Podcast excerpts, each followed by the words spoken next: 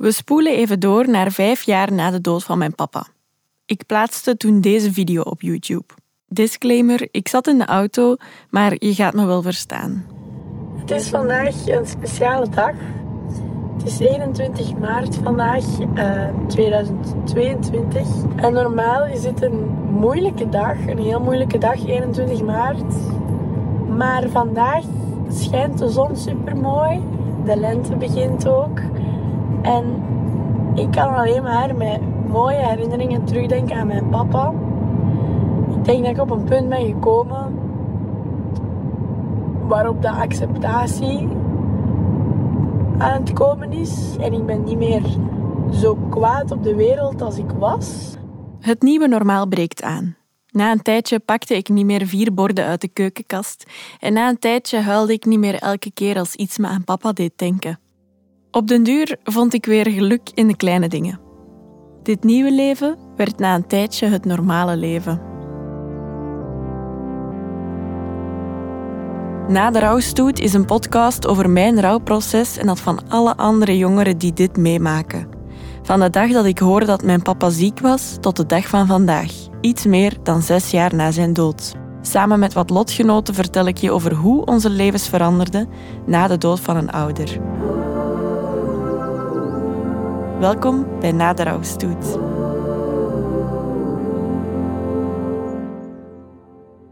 Het feit dat dit het nieuwe normaal is, wil niet zeggen dat die emoties van eerst volledig weg zijn. Af en toe komen die weer naar boven. Oh, beseffen dat papa er nooit meer gaat zijn is echt een van de moeilijkste dingen die ik mij moet beseffen. Dit spraakbericht nam ik een aantal maanden geleden op. Over elke toffe gebeurtenis in mijn leven hangt een soort donkere wolk van rouw en dat mijn papa daar nooit gaat bij zijn. Ik heb soms zo het gevoel dat ik papa ben pas beginnen appreciëren toen hij er al niet meer was. Ik weet niet of ik ooit echt fatsoenlijk tegen hem heb gezegd hoe graag dat ik hem zie. En dat verscheurt mij soms echt. Ik heb me daar nooit bij stilgestaan dat dat bij mij ook kon gebeuren. Want wat is de kans? En dan ineens bleek de kans toch groter te zijn dan je had gehoopt. En dat is kut. Ik wou gewoon dat ik dat nog een laatste keer tegen hem had kunnen zeggen. Het is oké dat die gevoelens er nog zijn en dat die ook af en toe nog naar boven komen. Ze worden wel minder heftig en ze slorpen je niet meer zo op. Het blijft natuurlijk anders dan een break-up, die gevoelens. Het is niet iets waar je op een gegeven moment gewoon over geraakt. Het is een soort verdriet dat er altijd zal zijn, maar je leert het wel op een bepaalde manier dragen. Kelly heeft het af en toe ook nog moeilijk. Af en toe komt, komt alles wel eens even binnen hè, en dan begin ik echt keihard en dan denk ik van oké, kan er weer al even tegen. Ik huil nu meer um, omdat ik het erg vind voor hem omdat ik, ik vind het gewoon erg dat dat, dat, dat de enige ehm, optie op dat moment voor hem is geweest om niet meer ongelukkig te zijn. Ik vind, dat vind ik gewoon nu, hoe ik er nu over denk, dat vind ik gewoon niet zo erg. En dat maakt mij, dat maakt me verdrietig. Het is niet allemaal roze geur en maneschijn. En op mijn 15 jaar was ik veel jonger en had ik nog niks eh, spectaculairs in mijn leven meegemaakt. En dan, met mijn ouder te worden, dan, dan worden me heel veel dingen ge, komt heel veel dingen tegen in je leven dat je denkt van fuck. Er zijn zo van die dagen die elk jaar terugkomen. En elk jaar zijn die dagen een stukje moeilijker dan de andere dagen van het jaar. Ook bij Tiziana. Ja, ik heb sowieso haar verjaardag en haar sterftedatum. Dat zijn gewoon datums die binnenkomen. Bij zo'n momenten, gelijk toen ik 18 werd, zo het besef van ze zal dat nooit meemaken. En ook zo het besef van ze zal nooit weten wie dat mijn toekomstige vriend zal zijn. Wat zou ze ervan vinden? Um, ze zal nooit weten of ik kindjes krijg. Uh, ze zal er nooit op die manier alleen echt bij zijn. En dat zijn zowel dingen dat, waar ik het wel echt moeilijk mee kan hebben. Maar dat zijn nog niet dingen die er op dit moment zijn. Dus, maar dat zijn wel dingen waar ik over nadenk. Seljan heeft het na al die jaren ook nog moeilijk op zo van die speciale dagen. ik heb dat nu ook wel, dat, dat ik zo niet daar elke dag aan denk. Maar bijvoorbeeld ja, als hij jarig is, de dag dat hij was gestorven, ehm, ja, zo'n dingen. Of zelfs als ik zelf jarig ben, dan denk ik daar al terug aan. En ook als ik alleen ben op mijn kamer bijvoorbeeld, dan komt dat soms echt wel terug en dan denk ik daaraan en dan moet ik wel wenen. Ook al is dat zo lang geleden. Ehm, dus dat komt wel, maar niet, niet meer zo vaak inderdaad zoals op het begin. Die mijlpalen waar Tiziana en Seljan het over hebben, daar heb ik het eigenlijk ook nog altijd moeilijk mee. Daar had ik het ook over in mijn YouTube-video. Er zijn zo wel wat moeilijke momenten, zoals bijvoorbeeld dan de proclamatie. Daar mocht je twee mensen mee naartoe nemen. En ja, iedereen neemt zijn mama en zijn papa mee. Hè. Dat, is, dat is obvious. En ik stond er dan alleen met mama. En dat is zo confronterend om dan te zien dat iedereen naar zijn mama en zijn papa staat. En dat zijn wel de momenten waarop ik het moeilijk heb en waarop ik het altijd moeilijk zal hebben.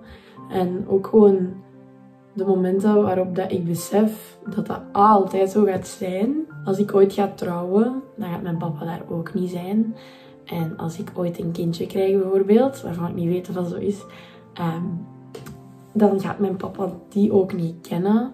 Als ik ooit mijn droomjob strik, mijn papa gaat dat niet weten. En dat vind ik super moeilijk. Dat ik ouder word en mijn papa mij niet meer kent of zo. Mijn papa kent 23-jarige Nona niet en hij zal ook 30, 40 of zelfs 50-jarige Nona niet kennen. En dat besef komt er altijd wel weer op zo'n belangrijke momenten. Vorig jaar was een jaar vol mijlpalen voor mij. Ik had het er met Fien in mijn kamer ook over. En dan ineens was dat moment daar dat ik mocht beginnen bij Studio Brussel. En dat was zo'n wauw-moment van mij, van yes, het is gelukt. Maar direct ook zo'n bittersweet gevoel, want mijn papa heeft dat niet geweten. Ja. En dat vond ik zo erg, dat vond ik zo spijtig. Mhm. Dan dacht ik, allee, hij had dat moeten weten en hoe zou hij zich Ja. voelen? En hij zou zo trots zijn. Ja.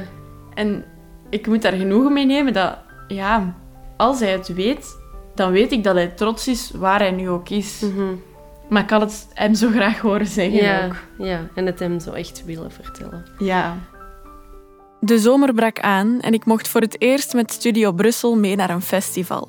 Dat was Rock Werchter 2022. En daar, op mijn eerste festival met Studio Brussel, stond Joost ook. En op het einde van zijn set gebeurde er iets dat ik nooit meer zal vergeten. Florida 2009, dat liedje dat nu zoveel voor mij betekent, was op dat moment nog niet uit. Maar daar, op Rockwerchter 2022, stelde hij het ons voor de eerste keer voor. Dit liedje is speciaal voor mijn ouders. En tien jaar geleden verloor ik bij mijn ouders, bij beide mijn ouders, in hetzelfde jaar. Werchter, ik vraag een klein beetje interesse en een heleboel liefde. Daar sta je dan, bij de crematie van je pa. Na al die tijd van vluchten, sta je stil en denk je na. Dit is nooit meer vla, nooit meer vla voor de tv. Nooit meer samen, nooit meer samen kijken naar DWDD. Nooit meer dansen in het huis en nooit meer klappen met een vuist. Misschien was het niet juist, maar ik mis ons en ik mis thuis.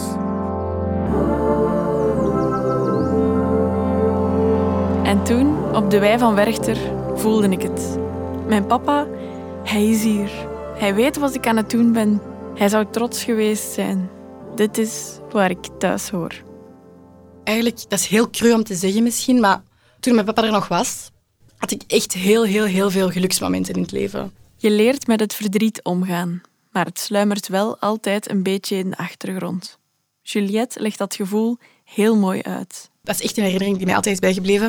Ik was op reis in Spanje, zo echt zo'n surfkamp met vriendinnen.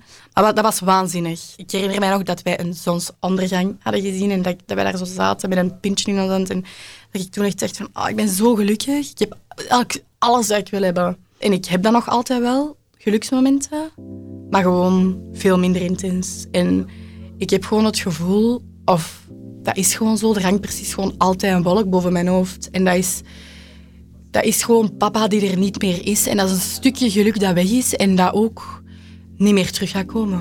Er is echt iets dat mist in mijn leven en dat is mijn papa. Dat was ook gewoon een waanzinnig persoon, hoe cliché het ook weer klinkt. Maar ja, Echt, ik heb het gevoel van de mooiste bloemetjes worden als eerst geplukt gewoon. En dat, was, dat is echt, mijn papa is daar het perfecte voorbeeld van. Dat was een waanzinnige mens. En daarom is dat verdriet ook zo... Dat daarom is het ook gewoon zo moeilijk en dat verdriet zo intens. Omdat ik weet gewoon echt wat ik nu aan mijn papa zou hebben. Ik weet gewoon dat het leven zoveel beter had geweest als hij er nog was.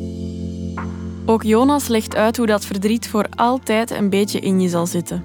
En hoe dat soms naar boven komt. Een kameraad van mij heeft een paar jaar geleden een marathon gelopen. Was een WhatsApp-groep opgericht met een paar vrienden. En mijn vriendin en ik konden toen niet gaan. Dus ik volgde het zo'n beetje mee in die WhatsApp-groep. Er werden regelmatig foto's gepost. En ene foto, en ik heb het nog altijd moeilijk als ik daaraan denk, was een foto van Tom die aan het lopen was. eh, In volle inspanning. En zijn vader staat langs de, langs de kant met... En die geeft zo'n low five aan zijn zoon. En ik vond dat zo'n schoon moment. Ik weet dat ik toen dacht van... "Och, zulke dingen dat zou ik willen delen met mijn vader dat je gewoon iets aan het doen bent en dat hij er is. En ik, ik, ik ben toen ik beginnen wenen, omdat ik, dacht van, "Goh, maar dat is zo schoon. Dat is niet dat hij daar als een gek stond te supporteren, maar die was er gewoon. En dan, ja, dat heb ik wel altijd gemist. Ik vind het zo jammer dat mijn mama of mijn papa mijn kinderen niet gaat kennen. Dat is een zin die je al veel gehoord hebt in deze podcast. En ik vind dat zelf ook een verdrietige gedachte. Mijn collega Jonas die is ondertussen 40 jaar en heeft nu al drie kinderen op deze aardbol gezet. Hij kan ons misschien wel wat perspectief geven. Mijn vriendin was zwanger. Dat wisten we, dus we gingen naar, naar de echo gaan kijken. En ineens, surprise, surprise, waren het eh, twee baby's die in de buik zaten. En eh, ja, dat was even een eh, verbijsterend momentje, dat er twee waren. Maar bijna tegelijkertijd dacht ik, godverdomme, ik had nu graag naar mijn vader willen bellen. Ben je veel bewuster bezig met dat vaderschap?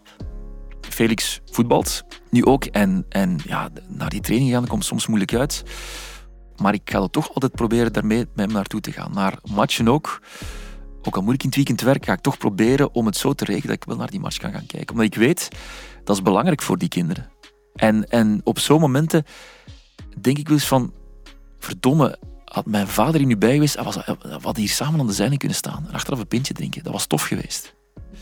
En ik weet ook nog wel dat ik in het begin, toen ik... eh, ja, toen, toen mijn vriendin dan zwanger was en die ging dan een tweeling krijgen, dat ik het toen een paar keer ook echt wel moeilijk heb gehad, omdat ik dacht van ja, ik weet eigenlijk niet hoe, het is om vader te zijn, want ik heb nooit eigenlijk dat voorbeeld gehad.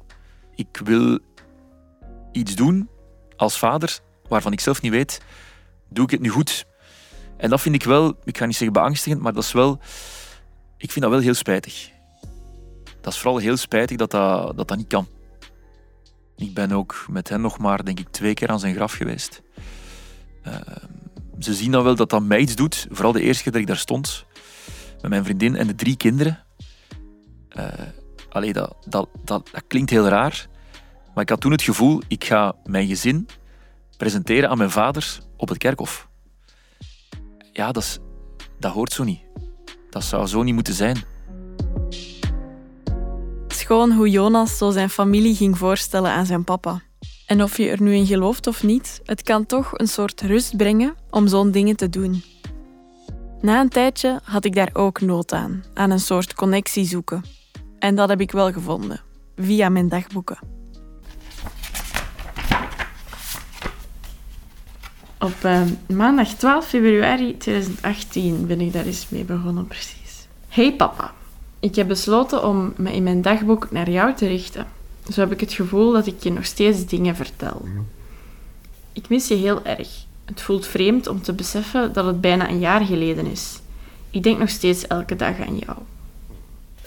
En dan ging ik gewoon verder met mijn, eh, met mijn dag. Ik vind dat echt heel mooi dat je dat zo... Want inderdaad, zoals gezegd, dat geeft je heel hard het gevoel dat hij er nog is. Ja, ik ben dat echt tegen hem aan het vertellen. Ja, zo. en ik vind ook echt dat je daarin moogt geloven. Mhm. Die, Je moet geloven ja, eigenlijk. Ja, Ja. dat- ik snap dat dat voor u ook echt een troost kan zijn om naar hem persoonlijk te schrijven. Mhm. Omdat je zegt ook heel vaak tegen mij van... Als je zo eens een minder momentje hebt van... Ik wou dat papa dit zag, ja. wat ik bereik en zo. En dan zeg ik, Nona, hij ziet dat. En ik denk, door dat dan zo in dat boek te schrijven, dat je jezelf die geruststelling geeft of zo van... Ja. Ik heb wel nog contact met papa en ik kan hem nog dingen vertellen of zo. Of ik echt geloof dat mijn papa die brieven in mijn dagboek kan lezen? Goh, ik weet het niet. En ik vrees er eigenlijk wel wat voor. Maar naar hem schrijven brengt mij wel wat rust. Het voelt als het enige ding dat ik op dit moment kan doen om toch nog een beetje in contact met hem te blijven. En uiteraard is dat bij elke persoon anders. De ene gelooft daar al harder in dan de ander. Bij Juliette is dat wel het geval. Zij heeft het gevoel dat ze ergens nog contact heeft met haar papa. Ik hoop dat hij, dat hij er ergens nog is en dat hij ergens nog kan kijken hoe, hoe dat wij het ook doen. Wat wij die dus hadden beloofd. Ik heb wel echt veel rare momenten meegemaakt. Ik vind dat zo altijd... Ik lijk altijd zo echt een, zot, omdat het is een zotin gewoon. Ik, zo, ik heb spiritueel... Allee, maar bon, ik heb wel echt rare dingen meegemaakt. Waar ik van, echt van denk van, dit kan geen toeval zijn. Ook heel veel met muziek. En zo televisies die aanspringen op heel rare momenten. Met dan een, met dan een liedje op dat op zijn begrafenis was gekomen en zo, zo van die dingen. Op die momenten dat dat, gebeurde, van zo die, die, die lichten die aangingen of, of, een of, of, een nummer dat startte dat op zijn begrafenis was geweest, ergens op mijn gsm, keihard die ik niet eens vast had. Of eh, die tv die dan aansprong op een, op een stukje dat keihard gerelateerd was aan iets uit zijn leven als er zoiets engs gebeurt van zo die lichten of zo, dan, dan doe ik echt zo van... Allee, kom aan, nog, nog, nog, doe nog eens. Dan, dan probeer ik zo toch wel re- reactie uit te lokken als ik denk dat er iets raars is aan het gebeuren in mijn huis. En op die momenten denk je echt van, "Pff, die is er nog. Ik hoop dat dat ooit, ooit bewezen kan worden. Dan, dan zou ik de gelukkigste mens van, de wereld zijn. Maar dat, dat is gewoon niet... Dat is gewoon zo onduidelijk. Maar, maar ik hoop het alleszins heel hard dat er iets is. Maar dan zal die dat mij toch nog even beter moeten bewijzen. Want ik, het is toch nog niet heel vervelend, zeker. Seljan is ervan overtuigd dat ze haar papa terug zal zien als ze sterft. Ik heb zo het gevoel dat als ik ook sterf, dat ik hem dan wel ga zien. Dat heb ik wel. Maar op deze wereld niet meer. Dat, dat heb ik mij wel beseft. Maar ik heb wel echt het gevoel dat als ik ook sterf, dat ik hem terug ga zien. Dus in mijn geloof geloof ik ook van ga naar de hemel of naar de hel. Ehm, en er is in mijn geloof en wat ik geloof, is er leven na de dood. Dus ik ben er 100%... Allee, in mijn hoofd ben ik er zeker van dat ik hem terug ga, terug ga zien. En Jonas gaat aan het graf van zijn papa zitten als zij iets wilt vertellen. Ik zet me echt letterlijk op de rand van, van die grafzerk. En ik, eh, ik zeg, ça va, het gaat goed. Op het werk nog altijd tof. Leen gaat ook nog eens goed. Die kinderen. Ze even zo'n stand van zaken gaan geven. Zo. Ja, ergens een soort update te geven. Ja, Geloof je ja. daar ook in? En zo... Allee, denk je dat hij nog ergens is? Of... Ik denk wel, allee, ik, ik heb wel het gevoel dat het wel eenzijdig is. Ik heb niet het gevoel dat hij dat nog hoort of wat dan ook. Maar het is vooral een steun voor mezelf. Ik merk wel soms, en dat is, dat is ook heel raar, als ik bepaalde dingen moet doen waar ik heel veel stress voor heb, dat ik dan eens even omhoog kijk en zeg, kom aan. hè. En dat is tegen mezelf, maar op een bepaalde manier ook tegen hem. Ik weet niet, om ja, steun te zoeken of om te zeggen van, je zoon is goed bezig. Hij Ja? zou heel trots zijn ook, hè? Dat ze hem zelf zoveel bezig was met dat sporten en allee, de dingen die, die jij nu aan het doen bent. Denk je daar dan soms aan? Van hij zou trots zijn op Ja, ja, zeker. Ah, wel, zo'n momentje was bijvoorbeeld ehm, toen ik voor het eerst... allee, dus ik, ik, ik geef commentaar bij voetbalwedstrijden, bij, eh bij wielrennen ehm, of zo'n omkadering van een voetbalwedstrijd eh, presenteren. En ik weet nog die eerste keer, net voor die camera aanging, aangaat, je hoort dan de aftelling, oké, vijf, vier. Dat ik toen, op dat moment heb ik zo even naar hem geke- gekeken en zeg van, kom aan. En dan, ja, dan denk je wel van, hey, weet ik wel, hij zou wel trots zijn geweest. Tiziana die vertelde hem iets heel moois. En in het begin van de podcast had ik je beloofd dat ik je dat nog ging vertellen. Nu heel toevallig, ik kwam onderweg naar hier en er zat een vlinder op de grond. Maar ik dacht al eerst dat die dood was, omdat die bleef zo lang zitten. En ik was er echt heel dichtbij en toen ging die fladderen. En toen was ik echt zo van... En het kan geen toeval zijn dat daar nu die vlinder... En toen iets later zag ik opnieuw een vlinder en toen was ik echt zo van... Dat is zij gewoon, omdat ik ja, vlinders heel hard link aan haar. Of ook gewoon gelijk... eh, mijn mama hield heel hard van roofvogels. Ik weet niet of je dat kent. maar zo, ja, grote vogels. maar als ik dat zie, dan denk ik ook gewoon altijd aan haar. Of zo, soms zie ik dat wel zo op Facebook naar die sturen. Terwijl je, je nooit een reactie krijgen. Maar dan was dat toch zo van... ik heb die toch op een of andere manier laten weten. Nu, zes jaar na papa's dood, schrijf ik nog steeds brieven naar hem en kijk ik nog steeds vol verwondering naar elke gans die voorbij vliegt. En dat gebeurde nog eens, een aantal weken geleden, tijdens het ochtendconcert van Vrouwtje bij de ochtendshow. Daar sprak ik dit spraakbericht in. Amai. Oh. het, ehm, het is juist ochtendconcert geweest van Vrouwtje. Um, Fien en Thibaut hebben dat zo georganiseerd voor Studio Brussel en ik, ik was daar ook. En net op het einde van, van een zin van Vrouwtje um, komen er achter haar ganzen ineens aangevlogen. En die komen echt helemaal boven ons, vliegen die voorbij. Echt over dat terras waar wij stonden, dat, dat was echt... Dat, ja, dat was mijn papa, hij is hier. En misschien komt er weer ruimte met de tijd, als ik kan houden van mij.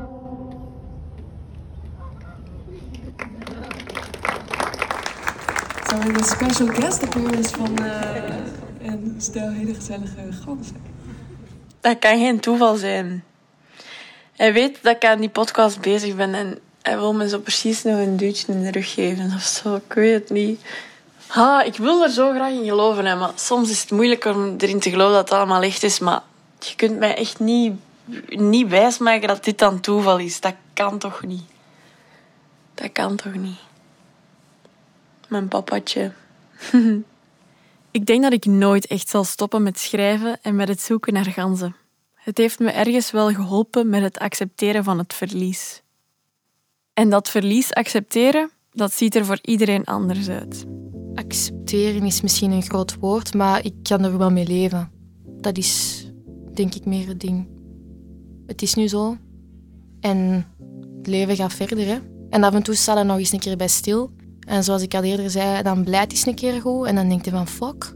En dan gaat het terug verder met je leven. Ik ga daar nooit van zijn leven nog over geraken. Dat, is, dat heeft zo'n gigantische impact op, op mijn leven gehad. Dat kan ik niet verwachten. Mm Dat kunnen mensen echt niet van mij verwachten dat ik mij daar ooit nog ga overzetten. Na tien jaar voelde dat wel nog steeds. Het is nog altijd wel voelbaar, dat is het ding. Dat mama dat is echt nog regelmatig zegt van... Het verdoemen dat ze meer nog had geweest. En dan denk ik van ja, eigenlijk wel. Um, nee, ik ben soms nu nog altijd wel boos op de wereld. Dat ik zo denk van waarom moest dat bij ons gebeuren? Allee, ik wens dat niemand toe, maar dat ik echt dacht van waarom bij ons? Dat heb ik nu nog altijd. Ik heb het wel geaccepteerd, maar niet van... Ik zo denk van dat is ja, spijt dat dat bij ons is gebeurd. Waarom is dat bij ons gebeurd? En dan ben ik soms wel boos. En op het begin had ik dat ook veel harder, maar nu nog altijd wel soms. Goh, ik denk volledige acceptatie dat het er nooit zal zijn. Er is een stukje geluk weg en, en het leven had beter geweest en lalala. En, en dat is stoem dat hij weg is, want het, je, had, je had er zoveel aan gehad, ook als, als papa, maar ook als, als gewoon persoon. Dus ik denk dat, dat die acceptatie nooit gaat komen of zo denk misschien wel 90% of zo. Natuurlijk, je gaat door. Hè. Mijn leven is nu zonder mijn papa en dat is al vijf jaar, bijna zes jaar zo. Dat is ik, dit is het leven nu. En het is ook raar om zelfs terug te denken aan een leven met papa. Je, je leert er echt mee leven en, en dat lukt ook echt wel. Toch in mijn geval. Ehm, en het komt gewoon wel echt goed. Dat is zo cliché, dat klinkt zo cliché, maar dat is wel echt. Ik denk wel dat ik het nu geaccepteerd heb Ehm, maar ook dat ik zo in het proces zit van dat ik probeer nu alles uit mijn leven te halen wat zij niet meer kon. En gewoon echt zo... Ja, ik wil nu gewoon wel echt kunnen zeggen van dat ik wel gelukkig kan zijn. Want het leven is zo kort en het kan zo snel gedaan zijn. En ik denk dat ik nu zo meer in, op dat punt ben. Dat ik zoiets heb van... Ik wil er nu zelf alles aan doen om zelf weer gelukkig te kunnen zijn. En het gewoon allemaal een plekje te geven en zelf door te kunnen gaan. Het heeft voor mij wel een tijdje geduurd voor ik alles kon accepteren. Ik was heel boos op de wereld. Waarom is dat bij ons gebeurd? En waarom hebben andere mensen wel het geluk om nog beide hun ouders te hebben? En vooral, waarom ik niet? En waarom heb ik niet genoeg aan mijn papa gezegd dat ik hem graag zag? Dat is iets dat aan mij blijft knagen dat ik papa nooit echt vertelde hoe graag ik hem zag. Daar had ik het ook met Fien over toen we door die brieven gingen. Ik stop ook altijd met zo dag lieve papa of dag, uh, dag papa, ik hou van je. Ik zeg eigenlijk altijd, ik hou van je of ik mis je. Dat, Ja. dat is nooit gewoon, dag, hartje Nona Ja, of zo. ja, Dat, is, ja. dat is echt altijd zo een één of twee zinnen die Ja. echt naar hem gericht zijn om, om dag te zeggen. Nu nog steeds. Heb je dat ook in het echt vaak naar hem uitgesproken? Nee, dat vind ik super jammer. Ja. Maar dat, ik denk dat dat normaal is. Je bent Mhm. jong en zo. Dat, dat is iets waar ik mij echt soms nog schuldig over voel. Dat ik denk, allee, kom aan, had dat toch gezegd. En je moet dat durven zeggen tegen je ouders, Mhm. dat je die graag ziet. Ja. Als je die nog allebei hebt en je hebt daar een goede band mee, want dat is ook niet vanzelfsprekend. Nee. Maar stel dat dat zo is, zeg tegen je ouders dat je ze graag ziet. Want voor hetzelfde geld is het morgen gedaan of over drie maanden gedaan. En dan gaat het spijt hebben dat je dat niet Ja. hebt gedaan. Als ik één tip mag geven, dan is het dat, want dat is iets waar ik heel veel spijt van heb. En mijn mama zegt wel van, papa wist dat, dat je hem graag Mhm. zag. Maar toch had ik dat liever zelf wat meer gezegd. Mhm. Maar nu zeg ik dat wel veel meer tegen mama. Ja? Ja. Ik heb daar echt een punt van gemaakt om eh, tegen mama te zeggen dat ik die graag zie. Mhm. Doet jij dat soms tegen je ouders? Ik kan dat wel zeggen tegen mijn mama. Tegen mijn mama zeg ik dat nog wel. Tegen mijn papa niet echt. Terwijl ik hem ook heel graag zie. maar ja, ik weet niet. Dat is misschien omdat mijn mama dat ook sneller zegt tegen mij dan mijn Ja. papa tegen mij. Ehm, Je gaat zelfs naar je papa, hè? ja, ik ga straks Mag naar ik mijn u papa. de challenge geven om dan een keer te zeggen? Ik ga zeggen, papa, ik zie u heel graag. Dat is goed. Ik reken dat. Nee, ja, maar als, als je dat zo zegt, dan, dan is dat wel zo. Maar wel de uitdaging van deze podcast. Als je een goede band hebt met je ouders, zeg een keer, ik zie u graag. Ja, ik vind dat een goede deal. Die momenten van intens verdriet, die worden minder frequent. En ergens koester ik ze ook. Het laat nog maar eens zien hoe graag ik mijn papa zag. En de brieven helpen wel, net als de ganzen. Daarom besloot ik in maart 2022, toen het vijf jaar geleden was, een tattoo te laten zetten. Het is een vliegend gansje op mijn schouder en dat gansje, dat heeft een briefje vast. En de brieven die ik in mijn dagboek schrijf, die brengt die gans dus naar mijn papa. En ik hoop dat die gans deze podcast ook tot bij hem zal brengen. Zo kan ik hem op die manier hopelijk toch nog laten zien dat ik hem zo graag zie.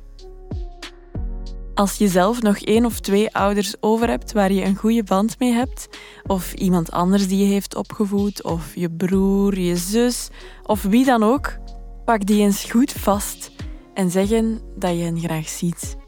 Echt, ik wou dat ik dat vaker had gedaan. Dus het zou zoveel voor mij betekenen als je dat nu even doet. Voor we nog één keer naar Florida 2009 gaan luisteren, was er nog één ding dat ik na het maken van deze podcast graag wou doen. En daarvoor gaan we naar mijn kamertje in Averbode.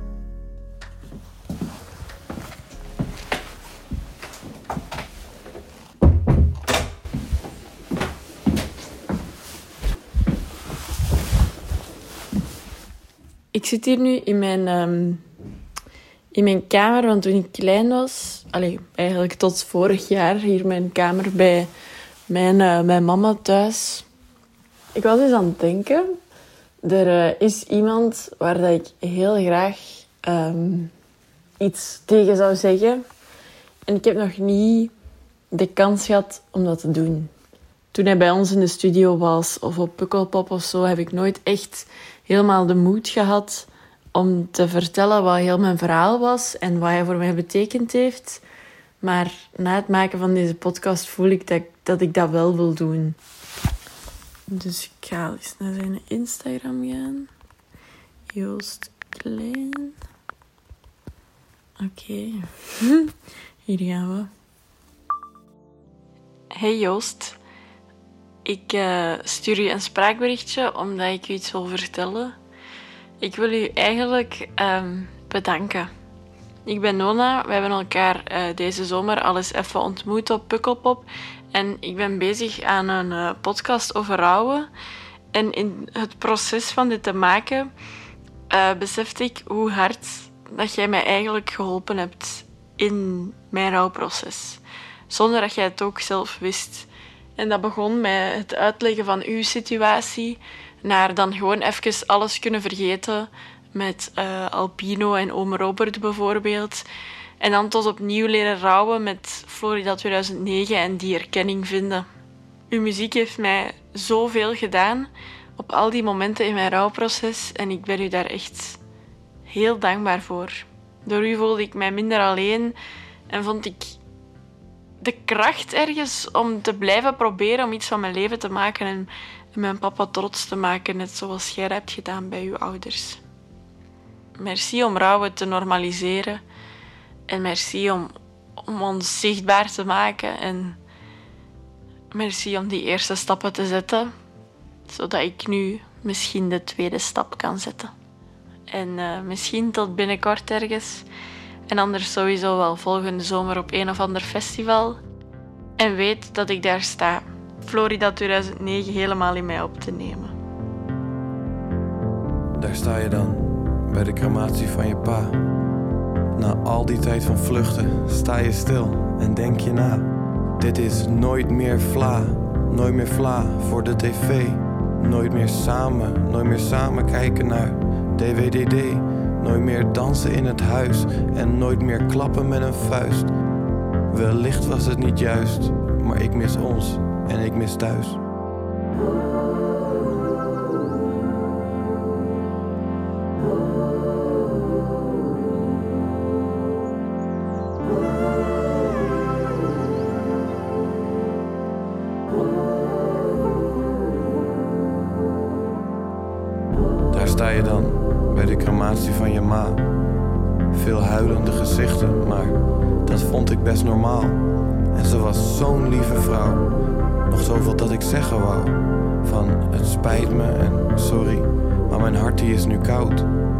Voor jou bewaar ik mijn geduld in een kistje onder mijn bed. Maar wat is een pretpark? Een pretpark zonder pret. Florida 2009, daar, daar kwam ik mezelf tegen. Maar heb een steen verlegd in de rivier en dat ondanks alle regen.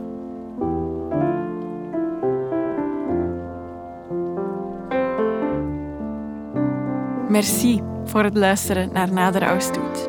Ik hoop dat je er iets aan gehad hebt en vooral eigenlijk dat je er iets bij gevoeld hebt.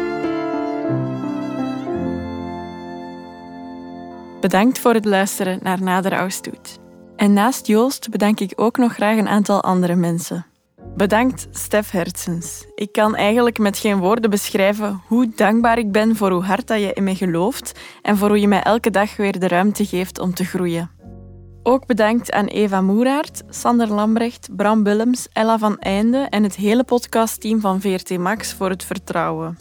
Merci aan mijn mama en mijn broer Nathan om achter deze podcast te staan. Ik had met niemand anders door deze zes jaar willen ploeteren. Merci Fien Wittebrood, mijn beste vriendin, voor het begrijpen en toelaten van mijn emoties. Ook bedankt aan alle lotgenoten die ons een kijkje in hun hart gaven.